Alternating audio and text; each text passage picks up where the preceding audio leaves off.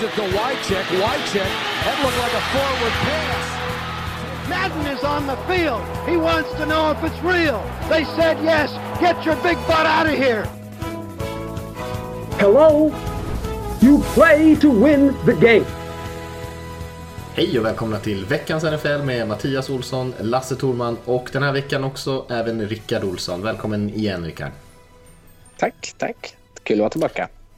Ja, jag hoppas det. Eh, vi fick ju från Twitter där att det var, det var eh, hejarop från när du var med förra gången. Så att eh, en stor skara människor som stod på barrikaderna och ropade att du skulle komma tillbaka. Ja, ja säkert. typ. Men vi, vi, ska fortsätta prata draft idag. Så vi ska, som vi sa förra veckan, prata lite wide receivers och tight ends. Men innan dess ska vi ta lite nyheter och sånt. Och det har inte hänt supermycket runt om i ligan. Men Eh, det har varit lite QB-karusell. Eh, Ryan Tannehill har man gett upp eh, på i Miami och bytt bort honom till Titans och istället tagit in Fitzmagic där. Vad har ni för kommentarer på den? Eh, vad ska man ha för kommentarer? Eh, vad är det, så två fel gör inte ett rätt eller vad säger man? Eh, jag vet inte. Ryan alltså han har varit ganska bra när han har spelat men, men det gör han ju så sällan så jag förstår att man har tröttnat på honom i, i Miami och, och, det luktar väl som att han ska bygga en, en framtida QB i draften och tar in eh, Fitzmagic som någon form av övergång där. Eh, det är min spontana tanke i varje fall. Ja, det är väl precis vad de håller på med. Bara försöker få in någon sorts typ av brygga. Antingen för en QB i år eller en QB för nästa år om de orkar hålla ut med honom. Mm. Jag håller nog med där. Det är inte så, eh, kanske inte några långsiktiga lösningar för något av lagen där. Det är väl bra för Titans att få in en spelare, en till eh, hyfsad starter där om Mariota som också haft sina, sin beskärda del av skadeproblem, eh, missar fler matcher. Och vi har ju, hade ju and, lite andra nyheter också. Bland annat så kom det ut att Kareem Hunt som eh, blev upplockad av Browns efter den här skandalen där han hade sparkat och knuffat en, en kvinna i, eh, någonstans i Cleveland faktiskt. Så, så fick han ändå chansen igen där i Cleveland men nu visar det sig att han ska bli avstängd i åtta matcher så de kommer kanske inte få använda honom så jättemycket i alla fall inte det här första året. Eh, och eh, det var ju för att det var mer än en incident som han faktiskt bestraffades för. Det var inte bara den här som hamnade på film. Ja, det, antal matcher och sånt, det, det är svårt, svårt för mig att säga. Jag tycker bara det är väldigt konstigt. Eh, kanske man ska läsa på det själv hur det, hur det här bestraffningssystemet riktigt fungerar och vem som får antal matcher för vad. Jag tycker det kan diffa väldigt eh, lite mellan ett relativt tveksamt eh, eh, straff och ett väldigt mycket utropstecken i straff som det här ändå var. Liksom. Åtta matcher för detta och så kan någon ha eh, något tvivelaktigt som inte någon har bevisat och så får de sex matcher. Liksom. Eh, ja, jag, lite ordning och reda i det här bestraffningssystemet eh, önskar jag mer än något annat. Det är, det är väl min kommentar kring det hela. Ja, smärtsamma psykminnen där eller? Alltså. Ja, det, jag försökte hålla mig borta från liksom, att vara den eh, där. Liksom. Men, men det är även andra fall tycker jag. Liksom, nu sitter jag inte med något liksom, nedskrivet på papper här, men, men alltså, från fyra, sex matcher eh, sker ju ganska ofta den bestraffningen och inte alltid för så onda eller vad, vad, i brist på ett annat ord liksom, än vad det här är. Så att, eh, ja, jag, jag tycker eh, det måste finnas eh, tydliga, tydligare regler och det kanske det gör men då, då tycker jag gott att NFL kan dela med sig det till, till de som följer det så att man förstår lite bättre. För ja, Jag tycker det känns liksom ja, mellan åtta och, och, fyra matcher eller tio och fyra matcher. Det är ungefär samma i min bok. Liksom. Och då, det verkar, allt verkar hamna där. Liksom. Mm, det ja. finns ju någon typ av sån där uh, guideline men sen tror jag att de kan dra upp och ner lite grann beroende på och jag tror att Hunt fick lite extra här nu utöver de här sex matcherna som jag tror att det är minimum för domestic eh, abuse i alla fall i första skedet. Uh, just för att det hade varit någon annan incident, någon misshandelsincident som inte hade med någon kvinnomisshandel att göra men jag tror att ändå det var någon, någon annan våldsam incident som han hade varit inblandad i, eller i alla fall misstänkt för. Mm. Vi har ju, det har inte varit så jättebra eh, vecka för, för Chiefs eh, gamla skillspelare eller nuvarande skillspelare. För Tyreek Hill eh, visade sig att han är under utredning igen. Han, han var ju inför draften så så kom det fram att han hade misshandlat sin gravida flickvän och eh, det var ju en av anledningarna till att han föll lite grann i draften. Borde kanske ha fallit ännu mer än så än vad han faktiskt gjorde. Eh, och eh, nu eh, är han med i någon typ av utredning som eh, kikar på vad som har hänt med hans son som hade brutit armen, en treåring. Och det har blivit polisanmält på något sätt och utreds och eh, Tyreek Hills namn figurerar i den här utredningen. Det är väl väldigt oklart om han har haft någonting med det att göra eller om det är en olycka eller om det är mamman eller vad det nu kan vara. Men eh, ännu en sån där situation eh, där man, eh, ja, som man inte vill att ens namn ska vara involverat i såklart. Vi får väl se vad det kommer landa i. Men det fanns ju lite röda flaggor kring Hill redan innan och då gör det väl det att många antar att han har gjort någonting fel här och det, det får vi väl se helt enkelt.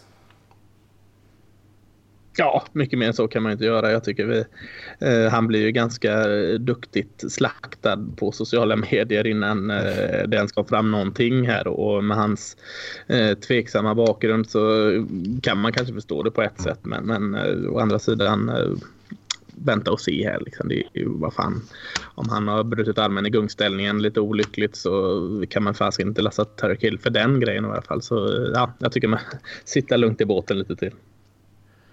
Ja, det är nog smart. Vi har ju haft en liten andra våg av free agents här, de som inte plockades upp, de stora namnen som inte plockades upp direkt här. Eh, ett par intressanta, Randall Cobb receiven från Green Bay har landat till Cowboys. Vi har eh, Clay Matthews också från, från Packers, hamnar i Rams. Och så har vi Vontes Burfict som många tänkte nu har han väl ändå eh, på något sätt förbrukat sin sista chans. Känd lite grann som en, eller lite grann, känd framförallt som en ganska ful spelare. Och har ju också haft sin beskärda del av egna hjärnskakningar. Men eh, Raiders plockade upp honom och jag vet att du Rickard var kanske inte sådär super, eh, varken chockad eller supernöjd kanske över just den värvningen. Nej, alltså eh, vi har ju hans före detta defensiva koordinator som defensiv koordinator i Oakland, Paul Gunther, och de är nära så det var inte så konstigt och jag är helt övertygad om att Gruden älskar Burficts idioti. Alltså jag, han, jag tror att hans urbild av en raider är den här typen av dumskalle som gör, spelar fult och gör det för att vinna. Jag tror att Gruden tycker om det. Eh, men jag har ju svårt att backa honom. Jag tycker att han är en idiot och han är ju inte ens speciellt eh, bra längre heller. Nej, han har ju tappat i kvalitet i takt med både skadorna och eh, ja, ja, allt annat. Han har väl aldrig varit den där som kanske har stått ut som ett under av eh, liksom muskler. Och han har inte varit sådär supervältränad alla gånger när man har sett honom. Utan han har spelat ganska mycket med sin aggressivitet, med sina instinkter. Eh, och på något sätt så har det väl kommit ifatt honom lite grann kanske. Ja, vi får väl se vad han har för eh, roll. Eh, jag kan tänka, de gjorde samma sak förra året, plockade med lite så veteraner som kunde spelböckerna som liksom dels skulle få lite speltid som rotationer men också var viktiga bara i att coacha upp eh, resten av laget. Så vi får se vad han, hur mycket han verkligen kommer spela. Jag tycker fokus ligger på fel linebacker här. Alltså jag är övertygad om att Head and Shoulder har någon form av kupp här med Clay Matthews. Alltså tänk honom med en surfbräda under armen, gå på stranden, bara överkropp och någon form av hawaii-shorts i LA och slänga med sin, eh, sitt blonda hår där. Alltså det är jag övertygad att det här, det här ligger Head and Shoulder bakom. De har någon form av dold agenda och fått honom till Rams. Ja, det är möjligt. Det är möjligt. Clay Matthews kan man väl också, har väl kanske inte heller briljerat de senaste åren, men han har ju kanske lite mer i sig än vad Burfict har kvar ändå. Vad säger du om eh, Cobb då, Lasse? Jag vet inte, han hade ju en liten upp och ner säsong. Han hade haft lite problem med skador och annat. Eh, men om man minns tillbaka, alltså om man ska bli lite nostalgisk och, och kolla i backspegeln så har han varit en jäkla fin eh, eh partner med Aaron Rodgers där och Green Bay. Nu vet jag inte hur mycket det är kvar i honom där, men han lär väl tänkt att gå in som någon, någon eh, slottersättare där för, för Cole Beasley som, som uh, signade med Buffalo Bills. Här, så att, nej, men det, det, känns spännande helt klart. Mm. Mm. Ja, det kunde ju ha blivit Golden Tate där, så det var väl kanske bättre med Cole. Ja, fy fasiken. Då hade jag tagit en paus, ett sabbatsår vi, har lite, vi har inte så mycket mer, men vi har några linjespelare som har gått i pension som kan vara värda att nämna. Kanske Max Unger, centern och sen Halodi Nata framförallt kanske är väl den spelaren som eh, inte snackat så mycket om de senaste åren, men som har varit en, ja, en jättespelare i rätt många år eh, på den defensiva linjen. En av de bästa spelarna i ligan på försvarssidan, men eh, det var några år sedan. Men ja, två ändå ganska högprofilerade spelare som eh, lägger skorna på hyllan. Ja, eh, Nata gjorde det på ett litet tjusigt sätt tycker jag. Han hade mm. bestigit, vad heter berget? Kilimanjaro, heter det så? Mm. Eh, klättrat upp där, antar jag. Hoppas inte han tog en helikopter upp där. Det varit eh, tråkigt. Men han verkligen ut en flagga eh, som mer eller mindre sa eh, ja, efter att ha sett vad, vad Browns har gjort här nu så är det ingen idé att spela längre så jag lägger av. Liksom. En lång skylt. Ja, eh, en fin flagga där. Så nej, det var lite småkul. Snygg, eh, snygg avslutning ändå. Ja, får man ändå säga. Eh, jag vet inte, har ni sett några andra spännande värvningar eller ska vi hoppa vidare? Det rullar ju så snabbt i huvudet på en här liksom när man är med i den andra vågen så att eh, vi har säkert missat någon relativt spännande värvning. Men eh, so be it alltså. De, eh, ja, man, lägger dem, noterar dem och så lägger man dem i ett fack och så går man vidare och väntar på nästa. Så att, ah, jag tycker vi hoppar vidare. Vi gör ja. det. Eh, så att eh, Seahawks har ju signat om KJ Wright var väl ett av de stora namnen som var kvar. Men sen så har vi fortfarande eh, Justin Houston, en Dam Kung Su är väl de stora namnen som inte har fått nytt kontrakt. Vi fick också en fråga om Alex Smith. Eh, mm. Om hur allvarlig hans skada är. Han är ju numera quarterback i, i Redskins. Men, eh, och det vet man ju faktiskt inte riktigt. Det, var, det finns väl en chans att han inte kommer spela igen. Han är ju ändå, vi kollade upp det precis innan, han är ju 34, 34 bast, fyller 35 här snart. Eh, och de verkar ju förbereda sig för att han inte ska starta den här kommande säsongen. Så att vi får väl se lite grann hur, eh, om han lyckas komma tillbaka. Det verkar ju som att han ändå rehabbar för att spela igen. Men eh, sen om det är möjligt, det lär vi märka.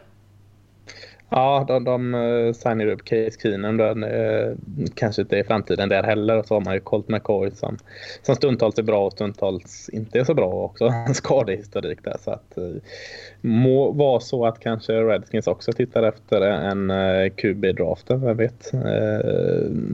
För det känns ju som en ganska lång väg att vandra för Alex Smith. Men, men jag tror nog både han och eh, Washington hoppas väl eh, och har väl någon form av tro på att han ska komma tillbaka. Sen hur eh, realistiskt det är, det, det vet väl inte vi riktigt. Va? Nej, och när han väl kommer tillbaka sen så frågar han hur många år han har kvar. Jag tror att de skrev väl inte ett jättelångt kontrakt heller. Jag för mig att de skrev ett treårskontrakt eller någonting. Men i så fall har ju två år redan gått när han kommer tillbaka. Om han nu missar den här säsongen här. Så det, och då ska man skriva ett nytt kontrakt med en 36-åring. Ja, det, det, de kan nog mycket väl eh, behöva drafta någon QB oavsett om han kommer tillbaka eller inte. Kan man ju tänka sig.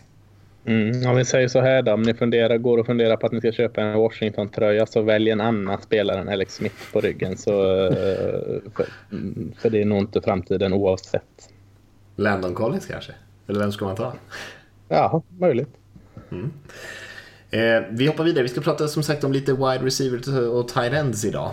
Eh, och Eh, jag kuppade för att vi skulle börja prata om receivers här, för att jag har verkligen inte gjort min hemläxa på tight end positionen. Så att den ska jag lämna helt över till er. Men eh, det känns väl okej okay att börja snacka lite wide receivers. Det brukar ju ändå vara en, en ganska intressant position. Absolut. Ja. Och Rickard var ju lite inne på det förra veckan när han sa att att eh, det finns ett kluster av receivers som är inte sådär toppkvaliteten men fortfarande lovande och rätt intressanta och många av dem rätt stora. Kan vi säga något mer om den här gruppen receivers idag? Tycker jag är en bra summering där. Alltså, jäklar, jag tänkte säga så här att eh, vi börjar med de stora starka terrensen men i år känns det inte som man kan säga så. Alltså, eh, de här stora starka wide receiversarna, det, ju... Eh, det var väl någon bild som, som snurrar runt där, om det var innan combine där, det såg ju helt sjukt ut de här bodybuildarna som stod där och, och, var receivers i combine.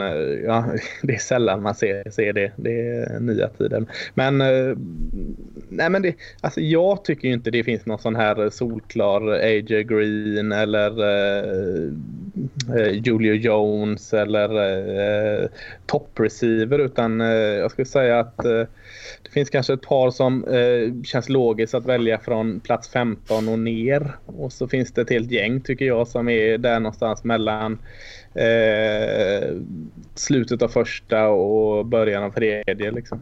Det, det, så ser jag det i alla fall. Ja, nej, jag håller med. Eh, jag tror att vi kommer se typ på draftdagen att det kommer gå väldigt många. Eh, nu sa du slut, slutet av första till först, början av tredje. Jag tänker mig bara liksom val 30 till 48. Att där kommer det liksom rulla receivers. Ja, nej men det kan nog stämma. Jag var lite bredare i mina penseldrag. Mm, för att eh, receiverpositionen, är kanske inte den, eh, om vi inte har några sådana självklara Julio Jones, eh, Beckham Jr och några av de här spelarna som har gått ganska högt så är det ju inte en position som det blir riktigt det där trycket som många andra, det är inte riktigt som pass rushers eller något sånt där, eller QB-positionen, utan eh, det är många lag som ändå väntar till kanske slutet av första, andra, tredje rundan innan de börjar plocka receivers. Men annars tycker jag att det finns rätt många duktiga, jag har ganska höga betyg på ett par spelare ändå. Så att jag tyckte ändå att det var en ganska bra grupp. Men det betyder ju mm. inte att de eh, kommer upp och fightas med de här defensiva linjespelarna som vi nämnde i förra Eh, podden eh, att den imponerande gruppen kanske fortfarande har ett högre värde än många av de här spelarna men eh, för sina positioner så tycker jag ändå att det finns ett, ett gäng intressanta spelare. Mm, ja, intressanta finns det alltid. Men, men det är ju en här receiver då som sticker ut som har fått en ordentlig skjuts i, i, i där hypen som, som alltid är bra att hamna på rätt sida om. Eh, och jag misstänker att både, jag vet att Rickard har honom högt och jag misstänker Mattias att du också har honom högt. Så vi kanske ska börja med honom då. Har någon honom på sin, på sin första plats här? Eh, ja, jag har ja. Eh, DK Metcalf nummer ett om det är honom du tänker på. Ja, då, då börjar du prata om DK Metcalf. Jag håller med sen. Ja, men det kan vi göra. Det är precis eh, som du var inne på här. Det är ju en av de här stora killarna. Också kanske den främsta av dem alla när vi pratar om ett rent muskelberg. Sådär. Eh, så över 1,90, en bit över 100 pannor. Eh, farsan, Terrence Metcalf spelade offensiv linje i NFL. Och han dominerade ju scouting combine, i alla fall i nästan alla övningar. Han fick ju kritik för sin three cone drill och sånt där, men han Eh, just eh, jämfota, eh, nej, stillastående jämfota hopp och 40 yards sprinten och såna grejer så har han varit väldigt bra. Men han har inte riktigt producerat riktigt på den nivån i college. Han har varit en, en big play receiver, verkligen hög yards per catch. Har sprungit inte sådär jättemånga olika typer av routes, vilket är kanske den största kritiken jag har mot honom, eller frågetecknet i alla fall. För annars har han ju en del grejer som bara studsar av skärmen liksom, som man ser direkt. Han är ju otroligt explosiv eh, i sina rörelser eh, från line of scrimmage. Eh, när han fått upp farten så är han väldigt, väldigt snabb och han kommer iväg bra också. extremt bra mot press coverage just för att han är både stark och kvick och stor.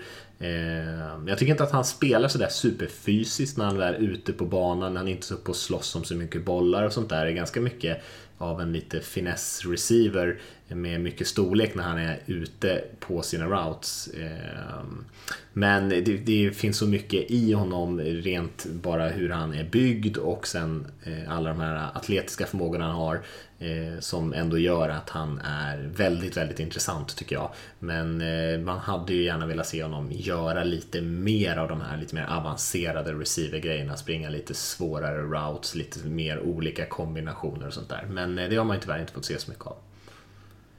Nej, Rickard, du håller med där eller? Ja, jag håller med om allting. Eh, jag vet att vi pratade förra veckan, Mattias, eh, eh, innan vi spelade in att vi är väldigt oense. Jag tycker att han, att han är lite seg sina, när han bryter sina routes. Där. Hans fakes tycker jag är lite sunkiga. Jag vet inte om du har ändrat dig sen dess. Men, Nej. så det tycker jag, där, där är det liksom... Och jag, han hade ju en jättedålig three cone och jag förstår att man kan vara orolig över det. Men samtidigt är han ju så bra på det han gör att ja, det är väl bara... Ja, säg inte åt honom att göra så här, två stycken 90 graders svängar i sin eh, route utan låt honom springa rakt fram och vinna över eh, press på linjen och tvinga alltid ett double team och markera dig så gör han ju jättemycket nytta. Och Det är lite så han har använts. Han har öppnat banan för sin eh, lagkamrat A.J. Brown som vi kommer komma till sen. Så eh, han har inte riktigt använt sig den rollen som att vi ska mata honom bollar. Jag tror att därför hans produktion inte riktigt är där.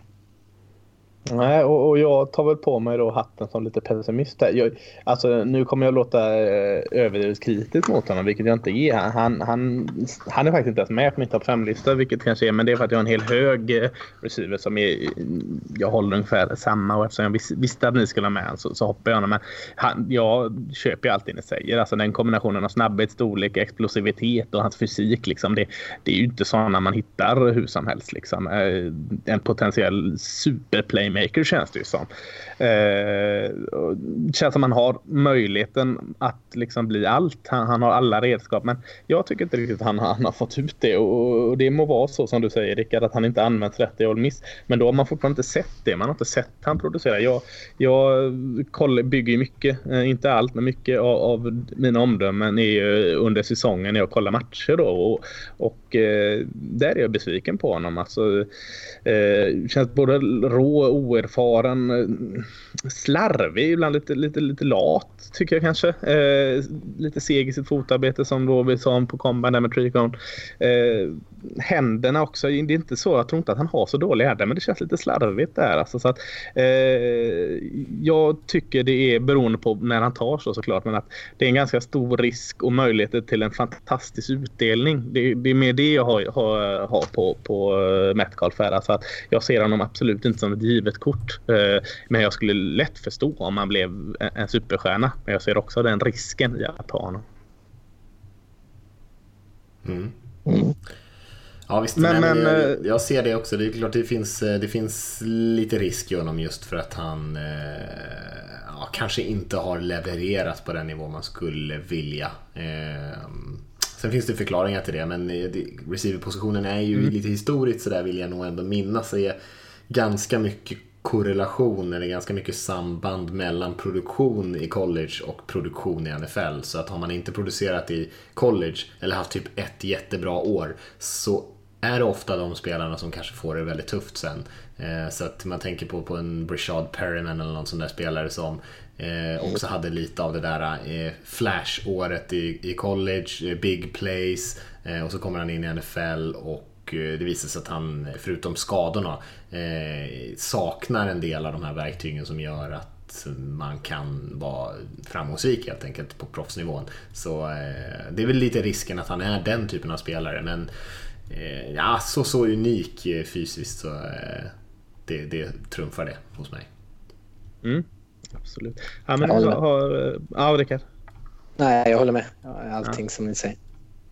Ni har båda eh, DK Metcalf från Ole Miss som, som högt på er lista, högst kanske om vi nu ska jobba med listor. Jag, jag har eh, Hakeem Butler från, från Iowa State eh, där uppe. Också stor eh, Eh, och, och, kanske mer lång än bred. Eh, tyckte han var jättebra 2017 då när Iowa State eh, helt plötsligt blev en hyfsad skola och så sen tog han ytterligare flera steg 2018. Sånt tycker jag alltid luras jag kanske av lite. Att jag, när, de, när de tar så stora steg under sin karriär i college då, då, då klättrar de på min lista men jag, jag, förutom storleken på Butler så, så, tycker jag alltså lägg, släng iväg en, en boll åt Butlers håll. behöver inte ens vara hyfsat bra prickad så plockar han in den. Eh, oftast eh, högt upp över försvararen han är inte snabb, han är inte snabb som Metcalf men, men, och, och, kanske lite stel men, men han är ganska kvick ändå. Avlinar scrimmage i sina cuts eh, och använder sin fysik mer än vad man, eh, om vi återigen ska, nu ska vi inte jämföra med Metcalf här men, men man önskar kanske att Metcalf skulle vara ännu mer fysisk men eh, Butler eh, efter catch, han, han vinner ju inte med snabbhet men han vinner med fysik därefter och det, ja, det, det gillar jag. Bra i sådana här bortglömda saker som i sin blockering, alltså han hjälper sina medspelare i spring, då blockerar han väldigt bra.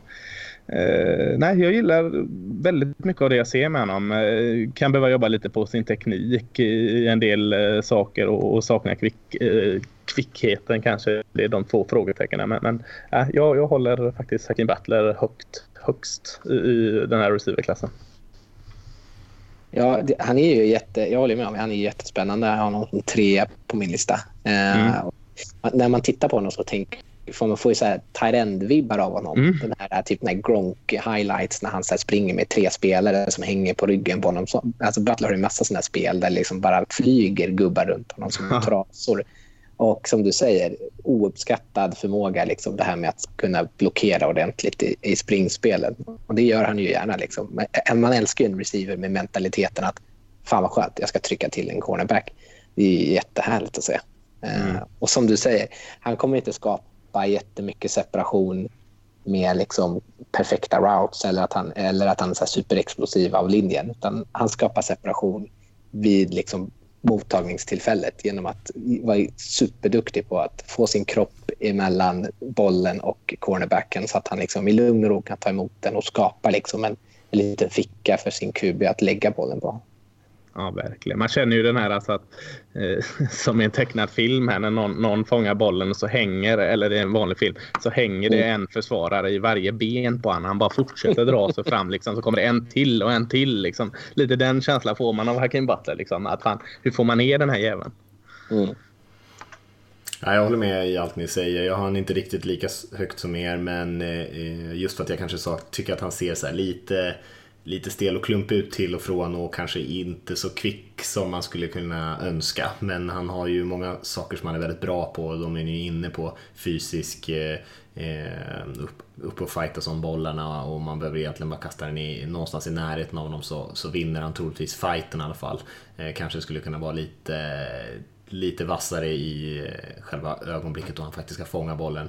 Eh, och fånga den lite utanför kroppen och sådär. Men annars håller jag med er. Det är en väldigt intressant receiver, absolut om vi nämnde, du nämnde det innan där, alltså att eh, produktion på college eh, är aldrig fel och, och, och, där kan man ju ringa in Hacking Butler. Han har ju verkligen producerat eh, under college. Det är inte den första spelaren i den här Big 12 den offensivt glad att göra visserligen, så det får man kanske ta, eh, ta lite för vad det är. Men, men eh, produktion har han att luta sig mot i alla fall. Ska du lyfta ja. upp en spelare, Rickard? Ja, då tar jag min tvåa. Eh, och det är Marquise eh, Brown, eller Hollywood Brown, eh, från Oklahoma. Som eh, jag tycker är jättespännande. Jag vet inte om ni har honom lika högt upp också. Men eh, supersnabb, eh, liksom drar jämförelser med Deshaun Jackson som är liksom ja. en klockren jämförelse. Supersnabb och eh, så livsfarlig med bollen var han än tar emot den. Liksom, det känns som att det är en så touchdown. Det kan komma varifrån som helst. Eh, men tunn i kroppen, eh, kan därför förlora lite mycket så här, uh, fysiska kamper, blir lite för kontrollerad kanske på linjen stundtals och så är man ju orolig över hur den kroppen liksom håller i, i proffsligan. Mm, jag, jag, skrev faktiskt här på min anteckning om Marcus Holler Brown. Eh, Rickard gillar frågetecken, känns som en L. Davis-spelare. ja, det är det Så det, det, var skönt att du hade en tvåa på listan här och då hade jag hyfsat, uh, hyfsat rätt där. Men jag gillar jämförelsen med Dishon Jackson. Man kan också, inte utanför planen då, men, men på planen få lite Tarek Hill-vibbar ibland där och han uh, liksom uh, leker med uh, ytor och med sin snabbhet. Han är ju liten och klen och, och måste såklart försöka bulka upp lite utan att tappa sin fart helst. Men jag tycker alltså det man ser är ju det djupa hotet, liksom, hans snabbhet. Men jag tycker han underskattade sina routes också. Och, och tycker man kan se han lite mer än bara ett djupt hot där. Så att eh, ha lite tveksamma händer kanske ibland och kanske borde producerat ännu mer i Oklahoma. Eh, men, men, men, jag gillar väldigt mycket också med Marcus Brown. Jag, jag är bara lite orolig för storleken, vilket jag önskar att jag inte var för att man ska inte haka upp sig allt för mycket på sånt hela tiden. Eh, jag har honom eh, fyra, femma, sjua på min lista eller man ska säga. Så jag har en drös där liksom som är samma. Men, men eh, jag köper i stort sett allt du säger där Rickard.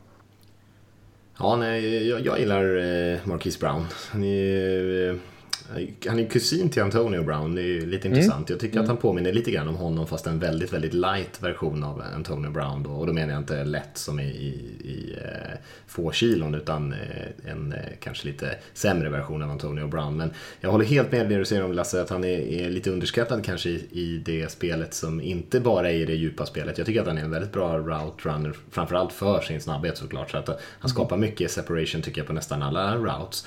Och sen har han ju det här djupa spelet. Det som som är den stora svagheten tycker jag. Det är ju just det fysiska spelet och sen även om man ska gå djupt så måste man ändå kunna suga in de där bollarna över axeln och sen hålla i den när man går till marken och sådär. Och jag tycker att han tappade, särskilt mot Texas 2018, så tycker jag han tappade flera bollar där han ändå Eh, han fick bollen liksom ensam in i sina händer och fick suga in den och så mm. kom det försvarare och slog ur den ur händerna på honom. Och det får ju bara inte hända egentligen, särskilt inte nere i red zone. Utan man ska ju veta att kontakten kommer och, och måste ju kunna hålla kvar den bollen. För där kommer det ju garanterat i NFL, i var, varenda mottagning nere i red zone så kommer det komma någon och slå på bollen och det är ju bara att hålla i den.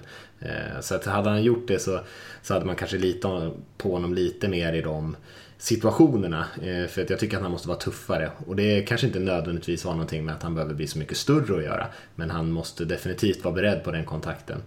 Ehm, jag tycker det är intressant. Jag hade lite svårt mot press coverage och sånt där tycker jag när eh, de eh, var lite taskiga mot honom rent fysiskt. Men jag gillar honom. Jag har honom inte sådär superhögt men 4-5 någonstans kanske. Femma troligtvis på min, på min lista. Men ja, det, ja. en, en, bra spelare tror jag. Kanske inte en superstjärna men jag tror han kommer kunna vara väldigt användbar för nästan alla lag. Mm. Vem har du nummer två där Mattias? Eh, då måste jag bläddra lite och se här. Vem kan jag ha Bläddra där? Mm, mm, mm, jag har inte skrivit dem i, list, i ordning förstås. Nej, jag har eh, Paris Campbell från Ohio State som eh, tvåa. Eller trea ja, kanske han är för sådana. Men eh, högt i alla fall. Också en supersnabb spelare såklart. Eh, som eh, sprang 4.31 tror jag på sin på combine på 40 yarden. Mm.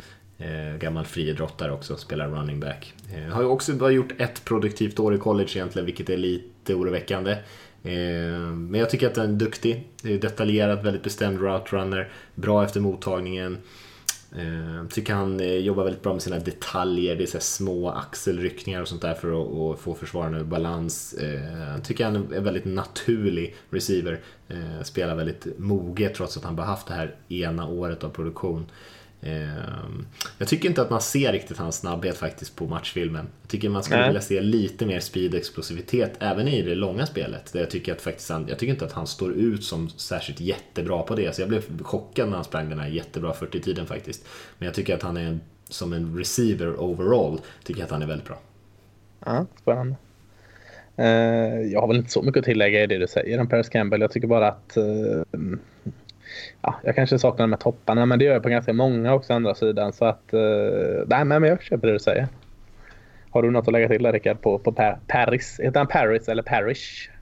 Mm, Paris tror jag. Paris, det är inget, ja. inget H på slutet i alla fall. Nej, det är det inte. Två R va? Mm. Ja, två R. Det är det som gör så konstigt. Ja. Nej, han har väl lite egentligen också samma problem med händerna. Att det känns som att ibland tappar han bollar som man inte förstår varför han tappar. Eh, kan jag tycka. Men eh, absolut en jättespännande spelare. Alltså, så spelare som har fart kommer ju alltid vara jätteviktiga eh, och jätteanvändbara. Så länge man liksom utnyttjar dem på rätt sätt. Så eh, ja, absolut, han ligger nog strax utanför min topp fem. Nu, nu är jag rädd att det blir nyårstiden här uh, från min del. jag vet att Rickard inte är så glad i den här. Men, och, och jag har försökt att inte vara så glad. Det är jättekonstigt. För jag ville inte ha hans högt. Men, men Kelvin Harmon i, i NC State Mm. Eh, känns ganska osexig tycker jag. Men, men eh, fasken, han har ändå två säsonger. har producerat över tusen yard båda. Eh, känns lite som en alfa. Jag vet inte riktigt vad alfahanen betyder. Men jag tror det betyder att man är dominant, tuff, stark, tar inte skit, liksom mana på. Eh, ledare liksom. Eh, eh den delen av gillar jag. Men eh, inte direkt snabb, det är han inte, men, men ganska bra ax för sin storlek. Axaccelerationen där. Eh, fina på de stora spelen. Eh, springer sina routes bra. Fångar det mesta tycker jag. Han har säkra händer. Eh, sen, sen fick jag ta ett steg tillbaka för han såg inte alls eh, övertygande ut under komban där han stack ut på ett negativt sätt. Gjorde ganska många receivers i sig. Och tekniskt kanske lite begränsad och eh, efter catch är väl inte jättespännande. Eh, men, men jag tycker alltså han eh, tuff jäkel som inte tar skit och är så produktiv. Så jag tror, jag tror verkligen det finns en framtid för Kelvin Harmon i NC State. Men liksom, kanske inte de topparna som, som man önskar. Nej, jag tycker han är lite, som, han är lite av en sämre version av Hakeem Butler. Alltså han, är, han, han är liksom han sticker ut för att han är duktig på att blockera tycker jag framför allt. Mm. Och sen att, att, han använder sin kropp väldigt bra. Men eh, här är han... Alltså Butler är inte så jättesnabb och kvick och explosiv kanske. Men mm. Harmon är ännu långsammare tycker jag. Och jag har svårt att se liksom hur han hela tiden konsekvent ska kunna vinna med sin styrka och storlek bara om han för han verkligen inte skrämmer någon, tror jag, med hur, hur, hur långsam han är. Det är mest det. Jag är lite orolig över vad han har för tak där. Ja, nej, men det, det jag köper det. Och, eh, men jag såg så många andra liksom, fördelar i honom så att jag, jag kunde inte med att peta ner honom. Eh, så jag, jag stannade där. Men med en reservation för farten, absolut, det är en varningsflagga. Mm. Mattias, har du hunnit se någonting på Harmon? Mm, litar inte mycket, eh, men jag såg ungefär det som Rickard är lite inne på där. Att det, visst, det finns en del intressanta grejer men det finns liknande receivers högre upp i draften som jag tycker har mer att erbjuda. Kanske just kring hur bra han kan bli. Ehm, men absolut, en, en, en habil spelare, absolut. Jag vet inte hur högt hade du honom? Alltså? Ja, som två. Ja, det, det, det är lite för högt för min smak kanske, mm. men eh, absolut. Det, det, en sån här fysisk receiver har ju alltid någonting att ge. Men eh, mm, nej, jag, jag, såg inte riktigt den, eh, den sexigheten i honom. Tyvärr. Nej, nej, sexigheten finns inte riktigt. Eh, Rickard, eh, nästa receiver upp för granskning? Uh, då ska jag ta nästa Ole Miss receiver. Då tror jag A.J. Brown. Mm eh, som jag tycker är... Eh, nu har det pratats om att han eventuellt ska gå i första rundan. Det tycker jag är lite magstarkt. Eh, men en eh, spännande som liksom en, den här, här stora slot-receivern som eh, kan spela på insidan som inte är sån här jätteliten kvicken utan som eh, liksom stor och stark och, och vinner också han på sin storlek på insidan. men fortfarande liksom är lite för snabb för linebackers och är eh, lite för stark för en cornerback eller en safety. Eh, så han, duktig, skickliga händer, hittar zoner eller hittar hålen i zoner jättebra, bryter sina routes snyggt och sent med liksom ett hårt planterat steg och sen bara sop, är han borta. Eh, tycker att han är väldigt bra på att skapa yards efter mottagning. Liksom. Eh, sådär. Sen fick han spela lite på utsidan, vart jag inte så superimponerad av. Men eh, som liksom, typ som Schmidt-Schuster används i, i Pittsburgh, där lite som en stor slot känns han ju som ett väldigt intressant namn tycker jag. Jag håller med dig precis allt du säger. Jag noterade också det, för han, han ser ju mer ut alltså, fysiskt som en eh, X-receiver eller utsidereceiver mm. eller vad man ska kalla det. Eh, och användes ju en del där i Ole Miss, precis som du säger. Men han användes ju också en del i den här slottpositionen och då syntes det verkligen skillnad. Jäklar vilken eh, annan spelare det var alltså. Eh, eh fick man fram det här fysiska freaket genom eh, att ta sina routes fint upp i mitten. Eh, alltså så att Eh, en, en, eh, en tuff, stor, eh, effektiv slot receiver är Jair Brown. Jag, jag gillar honom. Mm, ja, men det gör jag också. Eh, som ni är inne på lite grann, jag kanske saknar den där eh, riktiga explosiviteten. Kanske aldrig kommer vara den här burnern som går djupt hela tiden. Men eh, en pålitlig possession-spelare med, med storlek, eh, absolut. Och och eh, har även bra tycker jag efter mottagningen. Han springer de här lite kortare routesen ändå väldigt bra tycker jag. Eh, mm. för, för den ändå storleken som han har. Så eh, ja, en väldigt intressant spelare absolut. Jag har honom också där runt 3, 4, 5 någonstans. Mm. Eh, ska jag bränna ytterligare en långsam receiver där då? Det känns som jag bara kör, eh, kör det. Men eh, J.A. Arcega Whiteside Stanford. Eh, inte så mycket fart i den kroppen kanske. Eh, men men eh, Ah, jag, jag, kan inte bortse från att han fångar i princip allting. Alltså jäklar vad han... Eh, jag har inte kollat den här statistiken på eh, procent och drops och allt sådant. Men jag kan tänka mig att den är riktigt fin. Eh, jättefin eh, kroppskontroll i kombination med spänst som hjälper till såklart. Eh, har hela tiden blivit bättre och bättre under Stanford. Och, eh, det känns också som mentaliteten är där. Vinnarmentaliteten, eh, drivet, eh, springer fina routes, eh, har tekniken där. Den anpassar sig lite efter både vad, vad eh, kuben gör av bollen och, och vad han ser i försvararen. Det, det tycker jag eh, är en eh, en skill som är värd att lyfta upp. Eh, bra size. Känns lite kanske man borde kunna göra lite mer efter han har fångat bollen fångar bollen jättesnyggt och sen that's it ibland lite. Vilket, eh, där måste han bli lite bättre och farten är såklart.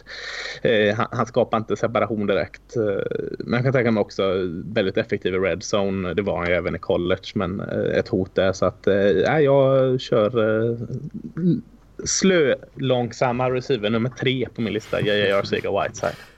Jag inte så att när jag skulle kolla honom så jag skulle börja kolla lite receivers så, så kollade jag upp så här, vilka ska man titta på. Och då, och då såg jag någon, någon lista som hade Whiteside, Arcega Whiteside som eh, den näst bästa receivern i den här draften. Och sen när jag tittade på honom så blev jag för chockad jag tyckte inte att han var alls så bra. Men då blev jag kanske också lite extra kritisk för att, eh, för att eh, sen har jag förstått att det är inte så många som har honom riktigt så högt upp. Det var någon eh, knäpp lista som jag tittade på.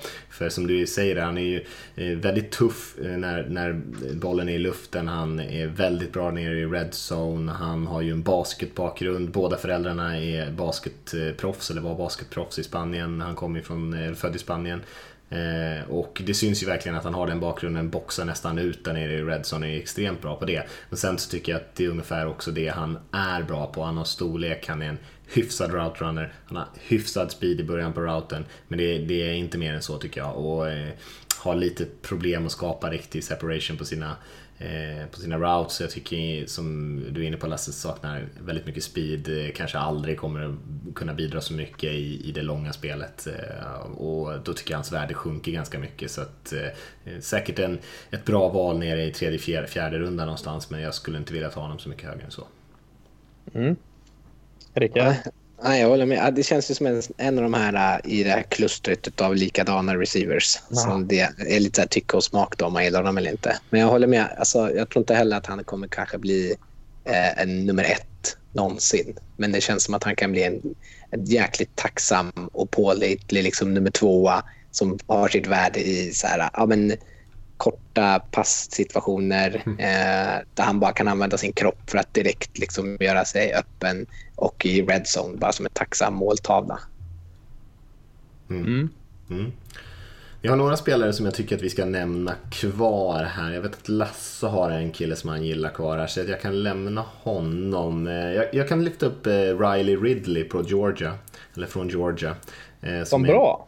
Eh, jag tycker att han är bra. Eller bra, bra. Jag har honom ner ungefär på samma betyg som, eh, som några av de andra spelarna är på 4-5 någonstans på min lista. Men jag gillar honom väldigt mycket. Jag, han har ju inte gjort så mycket i college.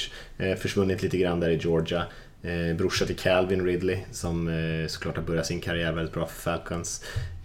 Men alltså, hamnar lite bortglömd i det där systemet tycker jag. Jag tycker att det, han är bra på väldigt många saker. Han har ju size, kvicka fötter, jag tycker han är en väldigt bra route runner. Eh, kanske inte fått så mycket bollar mot sig så att han inte kunnat samla på sig de där eh, väldigt många yardsen sådär. Han är inte någon superimponerande atlet heller kanske.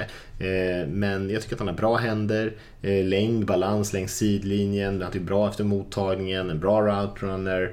Eh, och precis som några av de andra kanske, kanske inte heller kommer bli den här superstjärnan i NFL men för att fylla ut bredden i en receivergrupp, kanske vara en nummer två receiver i ett lag. Ehm, så tror jag att han eh, kommer kunna vara väldigt produktiv och ett, eh, en bra spelare i NFL. Men han kommer ju inte bli eh, lika bra som brorsan. Han är ju långsammare än mina slöa receivers. han, är, han är i nivå med Arciga Whiteside kanske. Nej, han är fasiken Ingen kroppsskada. Jo, det har han i sig bra. Han är kan ju typ springa två routes. Du är en bra route runner. Av de två han sprang i Georgia gjorde han ju bra. Liksom. Man måste ju utveckla någonting mer. Sen är det otacksamt i Georgia där det springs så jäkla mycket. Så mm.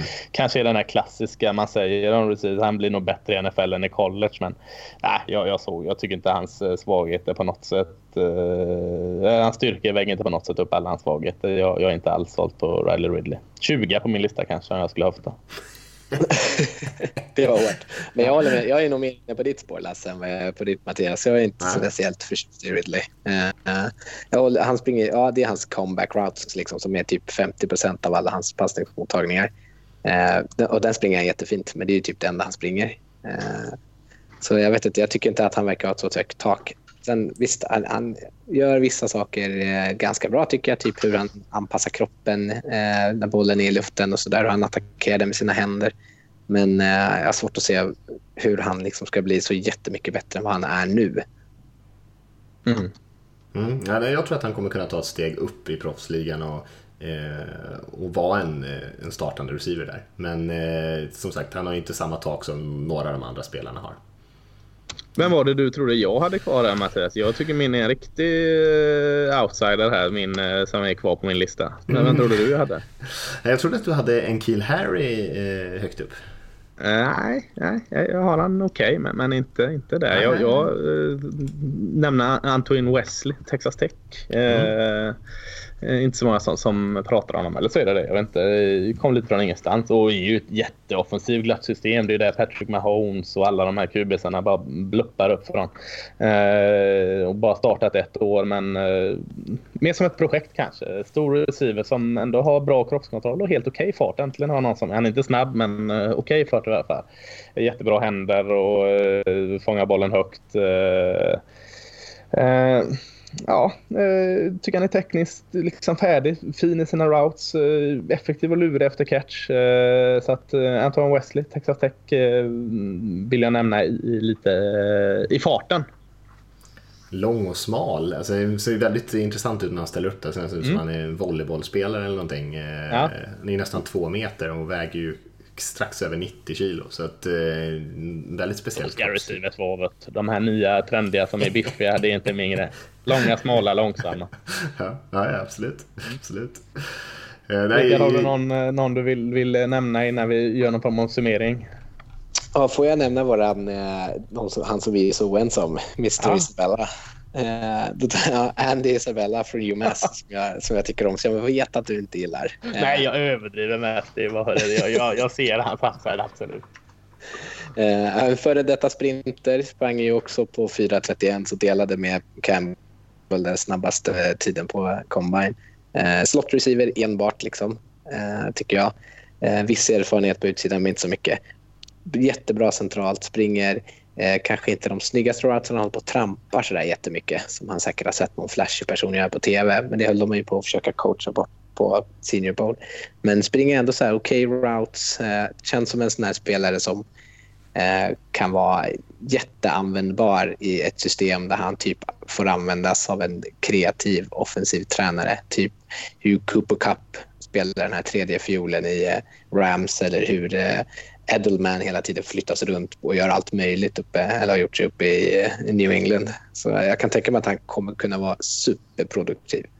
Absolut. Nej, jag tog mest en grej för att under Senior Bowl som du nämner där så var det lite snack om både Andy Isabella och så Penny Hart från Georgia State och så lite samma typ eh, kanske och två mindre skolor. Eh, Isabella är från eh, Massachusetts och Penny Hart från Georgia State där och det var lite debatter om vem som var bra och bäst av dem där och jag vet inte, jag håller med mycket det säger Isabella. Dessutom tror jag han skulle, nu när vi var ny offensiv koordinator, tror jag han skulle funka utmärkt kontrakt i, i Cowboys som ersättare av Cole Beasley mm. eh, som slot receiver där. Så att eh, nej, det var lite mer eh, skämtsamt ton jag såg av Isabella. Jag, jag är inte överdrivet hög på honom, men jag är absolut inte låg på honom heller. Ja, jag är inte sådär superhög. Jag vet inte vad ni har för betyg på honom i och för sig. Men jag har honom ganska långt ner, kanske nästan längst ner av alla vi har pratat om här nu. Jag förstår vad ni, Rickard är inne på där lite grann med Edelman-rollen eller Beasley-rollen och sådär. Men och där kan vi snacka produktion. Han väl, var väl den som hade flest yards per match i hela collegefotbollens högsta division. Där. Alltså jag tror han hade över 140 receiving yards per match. Men eh, eh, jag tycker inte att han spelar särskilt mycket receiver överhuvudtaget. Eller jag menar, han ser åtminstone inte ut som en receiver. Eh, liten och, och, kvick och snabb och ändå ganska kraftig sådär. Men eh, egentligen spelar de här korta passningarna och, och eh, är bra med bollen i händerna. Lite som en eh, liten playmaker typ så. Men jag tycker inte att han är någon vass route runner på något sätt. Eh, jag tror att han behöver kanske lite jobba lite med det när han kommer till, till ligan sen. Jag tror inte att han kommer gå sådär superhögt. Ehm. Min... Nej, jag tycker inte att han är så vass i sina routes, men han springer ändå liksom okej okay i det han gör. Och han vinner ju framförallt på sin fart hela tiden om och om igen. Mm. Han hittar ju ändå alltid, eh, eller han är ju nästan alltid öppen ändå. Mm. Jo, men det håller jag med om. Men jag tänker mig att han kommer möta bättre atleter Ja, i. NFL. Och då måste han kanske slipa på det där lite grann. Men sen, ja, jag vet inte. Eh, ja, intressant liten eh, filur i alla fall, Isabella. Lite av en gubben i lådan typ. Men eh, nej, jag var inte heller så frälst av honom. Men eh, ni tycker inte att vi ska lämna eh, en kill Harry ändå? Eh, Arizona? State receivern. För att honom har jag väldigt högt betyg på. Mm. Eh, ändå. Och, eh, också en intressant bakgrund sådär. Född i Kanada, uppvuxen i Västindien, landade i Phoenix där. Eh, och var också en av de här spelarna som stora spelarna som gjorde väldigt bra ifrån sig på, på Combine. Eh, jag tycker att han är en fysisk bra efter mottagningen, imponerande kroppskontroll för den storleken som han har ändå. Jag tycker ändå att han har väldigt lätta, kvicka fötter för en, en stor kille.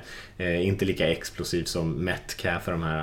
Eh, men jag tycker ändå att han eh, för sin storlek är absolut tillräckligt eh, kvick. Eh, tycker att han spelar med mycket intensitet, eh, går hårt in på att blocka och såna här grejer. Eh, han har gjort några spektakulära mottagningar också men också tappat några kanske lite enkla passningar. Men jag, jag tyckte ändå om väldigt mycket av det jag såg av en kill Harry. Eh, och tror ändå att han kommer klättra lite grann på slutet och gå ganska högt ändå. Typ Fint ändå att du lyfter upp Kvick för att liksom inte för att dölja att han inte är snabb. Eh, ska jag få skit för det här så ska jag fan hänga Ska jag dra med alla ner i djupet. Eh, jag tycker inte han är så vidare kvick heller. Eh, För att vara 1,93 menar jag då. Ja, inte jo. så här kvick som Isabella är kvick Jo, som är 25 cm Alltså, kortare. känns lite oatletiskt. Alltså, polerat sina routes lite mer. Men, men jag köper mycket av det du säger också. Jättefin balans. Framförallt vid han kontakt efter catch. Och, eh, det kanske är en av hans största styrkor just efter catch. Eh, med sitt fysiska eh, spel och balans där så är han ju livsfarlig där. Vinner ganska ofta mot press eh, på utsidan där vilket är jättebra såklart. Bra händer och det känns lite som att han tog ett steg bakåt eller kanske stanna still, stanna, eh, satt still lite sista året i college. Jag är nog lite mer en Kill Harry-fan än vad jag uppger mig att göra här nu men, men eh, såg också ganska tydliga svagheter i hans spel eh, förra året. Mm. Ska vi, eh, om ni inte har något mer så tycker jag vi sammanfattar lite grann Mm. vad vi har för ungefärlig ordning i alla fall. Jag vet att det blir lite kaos där nere mot efter tre för mig. Men eh, eh, vi kan väl göra en liten eh, summering. Rickard, du kanske kan börja med att ge oss en liten topplista. Ja, då har jag eh, DK Metcalf som min första. Eh, Marquise Brown tvåa. Hakim Butler trea. A.J. Brown fyra. Och femma är är liksom en jämn kamp där. Eh, och då är det bland annat en Kill Harry och sen Debo Samuel som inte ens han pratar om. Mm. Ah, han gillar jag också. Eh, Hakim Butler etta, eh, Kelvin Harmon tvåa, J.C. Arcega Whiteside trea, Antonin Wesley fyra och så är det en eh, jämn kamp på femteplatsen. Men, men eh, jag lyfter A.J. Brown där då sätter jag som, som min femma. Eh, Mm. Jag har eh, Metcalf etta. Eh, sen har jag mm, mm, mm, mm, Paris Campbell där eh, som två. och sen en kill Harry faktiskt som trea. Eh, Marquise Brown som fyra och sen har jag faktiskt eh, Ridley som femma. Nej, nu glömde jag bort någon här förresten. Eh, ja, du kan inte ha med honom där. Sätt in. Nej. Vem är det jag har där då? Ja, det kanske inte, det kanske inte är superduper viktigt. Men jag känner att jag missade någon här som jag helt klart har med. Ja, Butler har jag ju med. Eh, Så petar ner Ridley där tyvärr. Det var tur det. Mm. Han kommer strax därefter Lasse, så det, liksom, det är inte så, så långt ramlar han inte ner. Ja, han kommer där med sin enda route och jagar. Ska vi hoppa över till tight end sen? Ja, vi hoppar över till Tyrant. Uh, vill du bli befriad? Har du sett något? Har du hört något namn Mattias? Har du någon känd? Är du nyfiken på några namn? Ja, men jag har hört talas om den här Noah Fant på Iowa måste jag säga. Mm. Eh, ja, eh, ganska unikt det här uh, Tyrandat. Vi har alltså, eh, både jag och Rickard eh, har våran etta och tvåa eh, är eh, från Iowa. Alltså sam, två talent från samma skola. Jag kan inte minnas att, och, och, vi är inte på något sätt unika med det här jag och Rickard. Alltså de flesta håller nog de här två eh, topp två. Sen varierar det lite med de som etta och tvåa. Men det känns jäkligt unikt liksom att ha två talents, etta och tvåa eh, och, och, och, bra eh, etta och tvåa. Tycker jag i alla fall. Och, och är från samma skola liksom. Det, ja, jag, jag kan inte minnas att det har hänt i alla fall. Eh, din etta Rickard, vem av dem är det? TJ Hawkinson. Är det din också eller? Det är min också, men, men berätta ja. varför. Uh, jag tycker att han är, liksom, är ett perfekt uh, paket som kan göra allting. Han är en uh, jättebra blocker framför allt. en talent som kan liksom, spela jämte den offensiva linjen. är väldigt kraftfull och stark i sin blockering. aggressiv. Alltså, jag gillar ju en tight end som har liksom, mentaliteten av en offensiv linjespelare och det känns som att han har. Han älskar att trycka till någon och han liksom håller i sina blockeringar och så driver spelare långt bak i planen. Liksom, bollen är inte i närheten, han bara fortsätter och trycker och trycker och trycker. Så det tycker jag jättemycket om. Eh, och sen som en receiver också tycker jag att han är jag var verkligen överraskad för jag tänkte att han kommer bara kunna blockera bra. Mm. Men jag tycker att han är jättebra. Eh, liksom skärmar bort, visar, liksom gör sig själv tillgänglig genom att använda kroppen för att skärma av ordentligt. Eh, och här, hittar ytorna eh, i så här, zonspel och är, är, så pass snabb och så pass stark att han kan vinna mot man. Eh, så, som liksom en tight så är han ett komplett paket tycker jag. Ja, eh, jag håller med allt du säger. Eh, jag behöver inte lägga till så väldigt mycket. Jag satt och letade efter saker jag inte gillade med honom. Liksom, för att, eh, jag bara upptäckte det gillar jag, det gillar jag, det gillar jag, det gillar jag. Men fan, jag måste hitta någonting som liksom, jag tar upp som jag inte gillar. Och det var svårt alltså. Eh, ett tag var jag inne på att han inte är direkt atletisk, men han känns inte så stel heller. Och alltså, han, han är Nej. ganska rörlig. Liksom, så att, eh, och en den kan man liksom inte jämföra med atletisk som, som en receiver heller. Så att, det föll lite också. Så jag hade väldigt svårt att hitta några svagheter och alla de styrkorna som du säger, de har jag också på min lista. Han gör allt bra. Han, han skulle funka i alla system. Han mångsidig som du säger och eh, kanske att han har lite för lite erfarenhet kan man lägga upp som en mm. nackdel. Han har gått ut och in i startelvan eh, på grund av då som vi sa att det är två tendens här i Iowa högt. Eh, men, men, han känns bara redo. Han känns redo att gå in och rätt och vara en av ligans bättre tendens. Liksom. Mm. tycker knappt det är en överdrift alltså.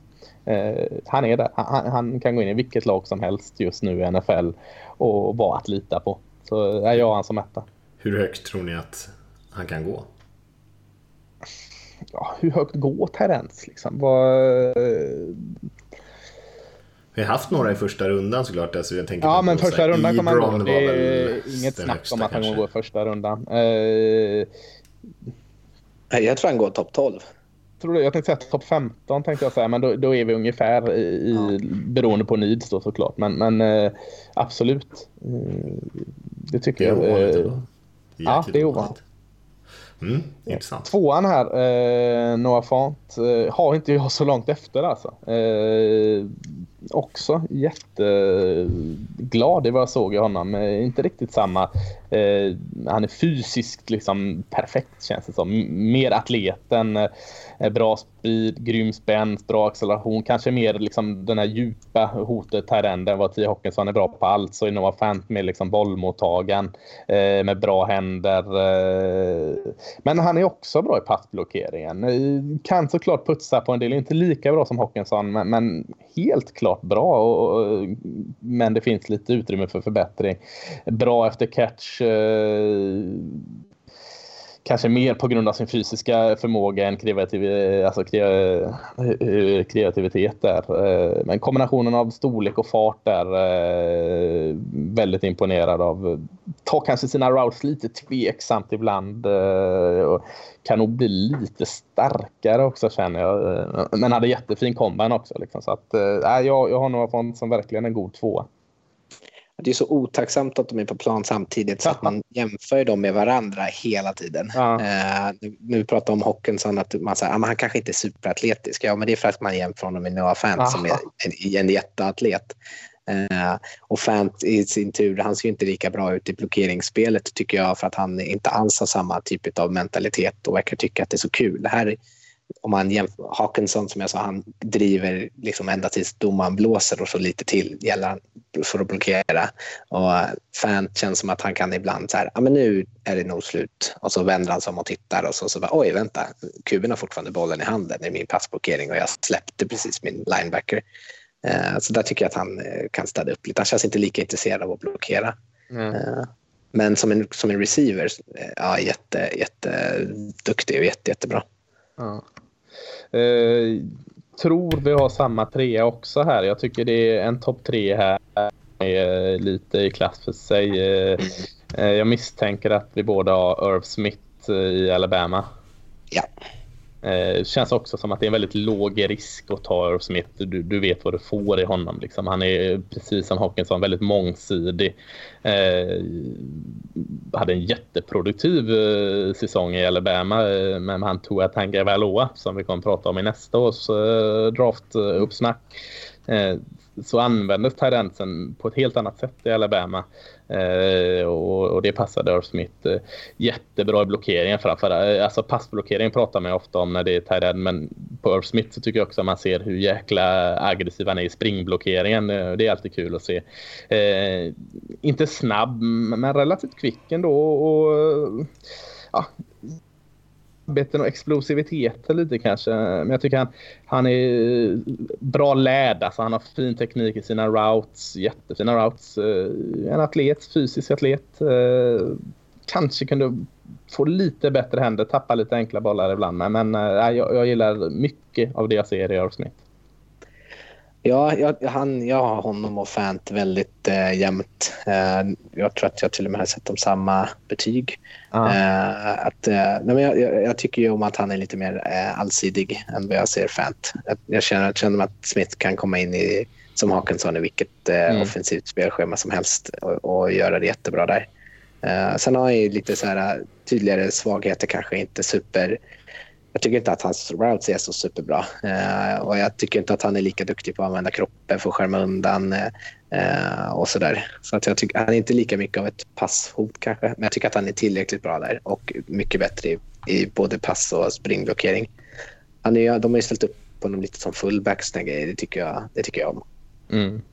Håller du med mig om att det är ett litet glapp här? Det är de här tre. Och så, de här tre hade inte jag blivit överraskad om de gick 45, första 45 valen, 50 valen, 40 valen kanske till och med. Nej, jag håller med.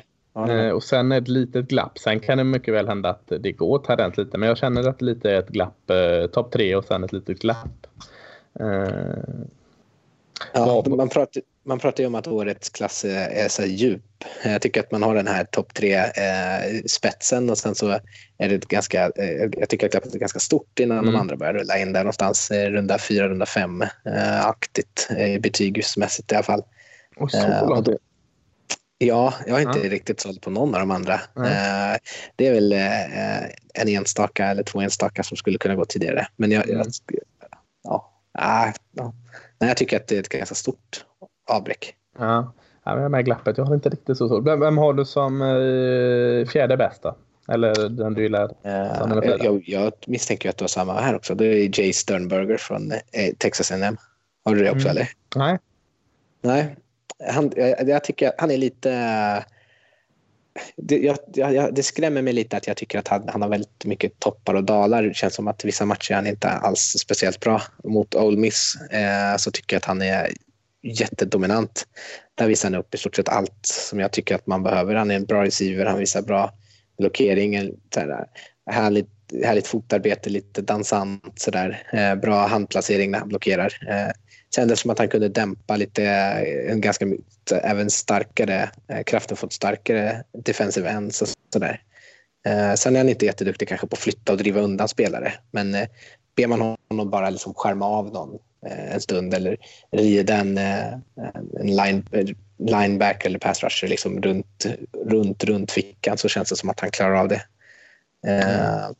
Sen som passningsmottagare känns det han är jättepolitlig. Bra händer, hittar bollen i luften, kan fånga bollen i trafik och är liksom inte rädd för att liksom bli tacklad vid passningsmottagandet. och kan ändå producera helt okej okay med yards efter catch. så han, han känns som den enda som skulle kanske kunna vara lite bättre än runda fyra. Men återigen, tittar man på vissa matcher så han, tycker jag att han försvinner helt och hållet och, och då blir man lite mer orolig över vad det är man får. Mm. Jag, tror, jag tror vi tycker ungefär lika bra om honom. Det är bara att jag råkar ha en som jag tycker lite bättre om före där. Men, men, mm. men eh, som du säger där, jättefina händer. Fångar i stort sett eh, allt som kommer mot honom. Liksom, eh, eh okej okay blocker är han liksom. Eh, har mer att jobba på där som du säger, som du säger men ändå okej. Okay. Eh, tycker han springer sina routes fint och ganska smidigt. En ganska rolig historia alltså, kring eh, Sternberger här liksom. Eh, Kevin Samlin var det som coachade eh, Texas A&M eh, x antal år och han körde ju inte med Tarend i sitt system i A&M så de hade så blev Jimbo Fisher ny coach där. Eh, hade typ ingen Tarend på rosten så han fick ju gå ut och leta efter en Tarend från eh, Junior College och hitta då Jay Sternberger här och plugga in han och direkt liksom producera han galet. Så att, eh, en kul historia, liksom kommer från Yuko och är en av eh, colleges bästa tight direkt liksom. Eh, eh, för att Jimbo mer eller mindre i panik kände att jag måste ju ha en tight i min roster. Jag spelar ju med tight eh, Lite spännande.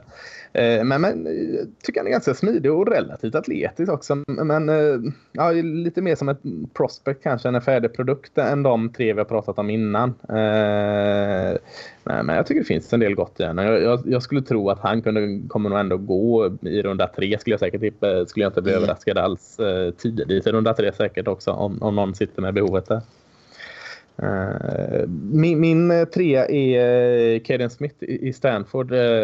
Jag har stora plus på honom och stora minus på honom. Mm. Du tyckte att Jay Sternberger var lite upp och ner. Då, då, då har väl min upp och ner-gubbe Kaden Smith här. En väldigt fin passmottagare i djupet. Produktivt sista år på Stanford. Bra händer, bra storlek, helt okej okay spänst tycker jag. Spelar ganska tufft och orätt Eh, Eh, läser spelet väldigt bra. som Sånt här känns klok. Eh, men, men, han har så mycket han måste utveckla sitt spel, sin blockeringsteknik. Han har ju storleken för det men han vet inte, vet inte riktigt vad, vad han, hur han ska blockera det. Där är det väldigt mycket att jobba på. Ska, ingen, ingen alltså Terren behöver inte ha toppfart men man kan önska lite mer fart i Caden Smith. Han har väldigt svårt att skapa separation och eh, han har inte råd med det för hans routes är inte så där jättebra heller. Eh, så att eh, jag har stora plus och stora minus. Men, men eh, kan man slipa lite på de här minusen så ser jag ändå liksom en framtid för Caden Smith. Ja, alltså jag, mm, jag, jag, tycker i inte att han... Jag tycker han får ganska mycket skit för sitt, eh, sin blockering. Jag tycker ändå att han gör det eh, helt okej. Okay. Han är mm. inte så... Han är, jag håller med, han är inte så kraftfull och stark sådär. Men eh, jag tycker att ändå på något sätt lyckas eh, kompensera det genom att, att vara, liksom, placera sig på ett smart sätt. I springspelet så har han en, han är väldigt duktig liksom på att hamna emellan och liksom, visst han kommer inte knuffa bort en defensive end eller en linebacker men han kan liksom ställa sig i vägen åtminstone. Eh, men eh, sen, ja, som, alltså, han ser så långsam ut. Jag, mm, han ser väldigt långsam ut. Ja. Jag tänker mig att han... Ser ut som någon drar en tröja nästan. Ja, ja men precis. Lite så här att springa i, i gyttja hela tiden. Uh, och som, jag, jag, håller med om att han så här, djupt, visst där kan han vara ett hot när han får liksom bana att jobba ja. upp. Uh, men det känns också samtidigt som att det tar lite tid för honom att komma dit. Och jag vet inte, vill man ha en långsam eh, tight end som sitt djupa hot. Nej, det, det, du har en poäng där. Det är därför det är stora plus, stora minus för honom i, mm. min... Eh, eh, Eh, ja. Eh, jag hade Jay Sternberger som min nummer fem. Här. Vem, vem har du som nummer fem? Då har jag Caleb Wilson från eh, UCLA som jag tror känns som en han är ju bara en receiver i stort sett. Han, han kan ju inte blockera för fem öre. Eh, utan bara en stor, bra receiver som springer Routes tycker jag bra för en tight eh, bra händer. Eh, kanske inte så här supersexiga cuts i, sina routes. Eh, men eh, bra, så, rakt för det. Jag var inte alls förvånad över att han sprang snabbt på combine till exempel. Det känns som att han eh, är väldigt snabb när han får springa obehindrat rakt fram. Så där. Eh, han har ju en hög produktion och det är som Mattias sa om wide receivers att det, kan ju liksom, det är en sån sak som gärna följer med i, i även när det kommer till tight ends. Där tror jag ändå att här börjar det liksom bli lite så här dimmigt för mig om vem som är egentligen nummer fem. Och med Wilson känns det som att han har i alla fall möjligheten att tidigt komma på plan, tidigt få en etablerad roll och liksom kunna användas på ett bra sätt. Mm. Jag tycker det är kul att ändå med Kelly Wilson. Jag försökte få in honom på min lista för jag gillar ju också Kelly Wilson. Det är bara att eh, som du säger, han, han är ju en receiver. Han, han, han, har just nu ingenting att tillföra i, i blockeringen. Eh, men eh, allt det du säger tycker jag han är väldigt progressiv. Jättebra och framförallt mot zonspelet. Mm. och ja, snabb. Eh, känns också ganska smart i, i, i sina, sina routes. Eh, jag vet inte, det är nästan så det känns som en, en, en ja, mer en receiver än tight end. Mm. Och jag köper det du säger också. Han kan ju gå in och, och bidra med de eh, strängarna han har liksom dag ett. Eh, till skillnad från kanske eh, min femma här eller eh, fyra Caden Smith som, som kanske är ett mer långtida projekt om, om ens det. Så att eh, nej, jag, jag, tycker det är kul att Kelly Wilson ändå nämns här. Mm.